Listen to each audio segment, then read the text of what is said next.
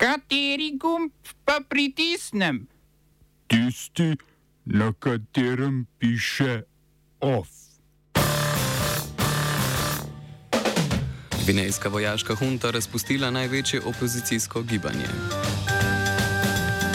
Stranka indijskega premijeja Modija izgubila oblast v zvezdni državi Bihar. Antiklerikalno preoblikovanje japonske vlade. Necenzurirani kadri v gibanju Svoboda.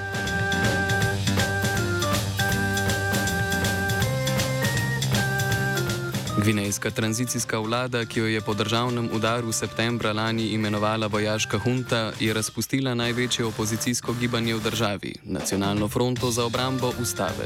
Politične stranke, sindikati in organizacije civilne družbe, združeni v nacionalni fronti, so konec julija organizirali demonstracije proti vojaški hunti, da bi opozorili na huntino izogibanje organiziranju volitev.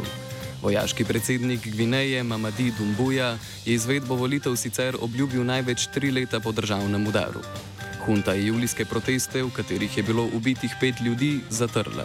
Po napovedi vnovičnih demonstracij 17. augusta pa je vlada z dekretom nacionalno fronto še razpustila. Po stališču vlade naj bi nacionalna fronta ogrožala državno varnost.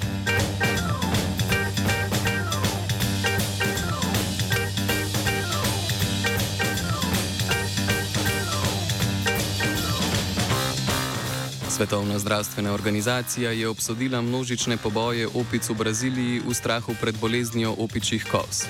Potem, ko so na jugovzhodu zvezdne države Sao Paulo zabeležili več napadov in zastrupitev opic, je uradna govornica organizacije Margaret Harris zatrdila, da se bolezen dokumentirano prenaša le med ljudmi. Lokalni brazilski mediji so o podobnih incidentih kamenjanja in zastrupljanja opic poročali tudi iz ostalih zvezdnih držav. Po navedbah brazilskega zdravstvenega ministrstva so v državi zabeležili več kot 1700 okužb z virusom opičjih kos in eno smrt povezano z virusom.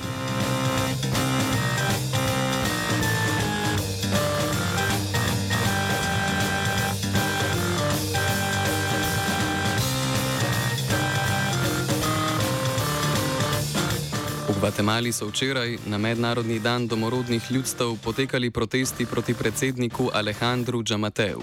Več kot 20 združenj domorodnega prebivalstva Gvatemale je blokiralo 11 avtocest v, znanj, v znak nasprotovanja institucionalni korupciji, inflaciji in aretaciji, aretaciji do oblasti kritičnega novinarja Joseja Zamore.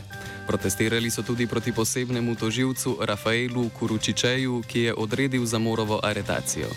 Poleg ključnih delov avtocestnega križa, ki vodijo v Mehiko in Salvador, so študentje in študentke onemogočili promet na zahodu prestolnice države. Konzervativni populist Alejandro Džamateji Gvatemali vlada od leta 2020. Njegovo predsedovanje pa zaznamuje omejevanje pravic domorodnih ljudstv in pravice do splava.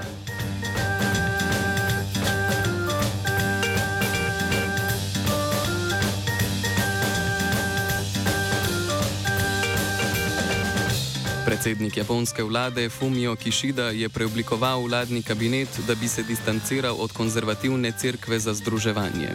S to naj bi bilo povezanih več zdaj že nekdanjih ministrov in nekdani japonski premijer Shinzo Abe, ustreljen pred dobrim mesecem, kar je povzročilo padec javne podpore Kishidovi administraciji.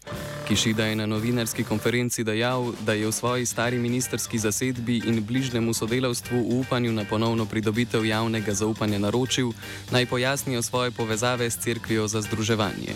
Po pregledu vezi je odstavil sedem ministrov, ki so priznali svoje vezi s crkvijo, med njimi tudi gospodarski in obrambni minister. Cerkev za združevanje, ki sicer izvira iz Južne Koreje, je na japonskem od atentata na Šinca Abeja deležna mnogih obtožb o tesni povezanosti z vladajočo liberalno-demokratsko stranko. Stranka se je v začetku 60-ih let ideološko napajala s crkveno, trdo protikomunistično držo in družinsko usmerjenim sistemom vrednot, kar sta med drugim podpirala tudi dedek ustreljenega premijeja Abeja in nekdani predsednik vlade Nobosuke Kiši.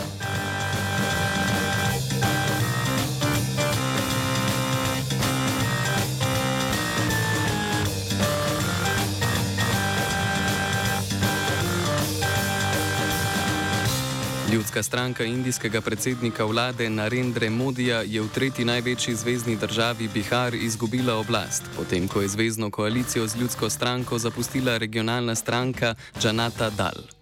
Predsednik stranke in premije Biharja Nitiš Kumar je Modijevo stranko ob izstopu iz koalicije obtožil namernega uničevanja njegove stranke, da bi lahko najbolj dominantna indijska stranka pridobila še večji vpliv v Biharju.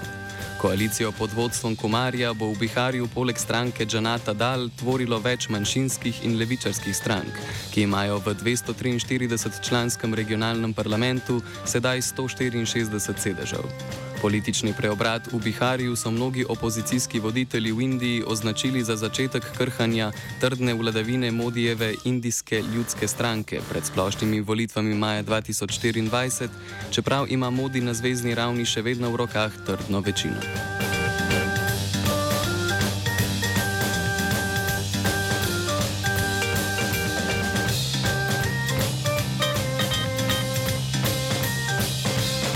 Nemško finančno ministrstvo je napovedalo dvig davčnih olajšav na prihodke od dela. Gre za davčno reformo, ki bo po stališču finančnega ministrstva prispevala k lajšanju učinkov inflacije na denarnice prebivalstva. Vendar bodo z dvigom davčnih olajšav, podobno kakor lani v Sloveniji, največ pridobili tisti z najvišjimi prihodki. Po predlogu bi vlada s prihodnim letom za 8 evrov zvišala tudi otroški dodatek. Socialdemokratska vlada pod vodstvom Olafa Šolca je ob tem naletela na kritike koalicijske partnerice stranke Zelenih. Slednji so vladne ukrepe za blažitev draginje označili za regresivne, saj naj bi kvečemu koristili višjim razredom. Smo se osamosvojili, nismo se pa osvobodili.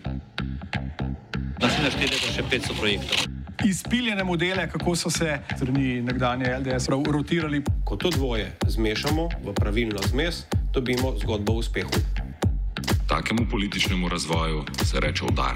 Jaz to vem, da je nezakonito, ampak kaj nam pa ostane? Brutalni obračun s politično korupcijo.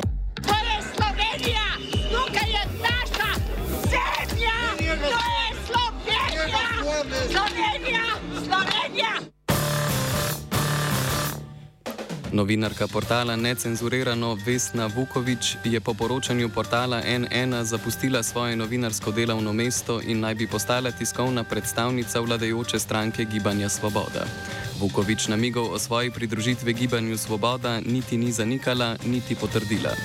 Vlada pa zamenjuje vršilca dolžnosti direktorja Urada vlade za komuniciranje. Po poročanju dnevnika z mesta vršilca dolžnosti direktorja UKOM-a odhaja Dragan Barbutovski.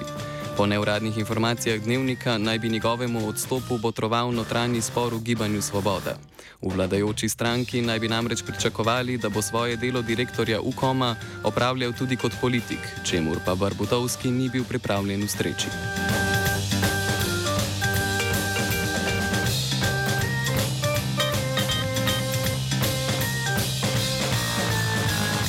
Po napovedih predsedniških kandidatur, etabliranih strankarskih eminenc in obrobnik, obrobnih akterk v političnem prostoru je svojo kandidaturo na prihajajočih volitvah za predsednico republike napovedala še ginekologinja Sabina Senčar. Senčar bo podpise voljivk in voljivcev zbirala ob pomoči izven parlamentarne stranke Resnica, ki je na zadnjih parlamentarnih volitvah pod vodstvom Zorana Stevanoviča prejela skoraj 3 odstotke glasov. Of je pripravil Matija.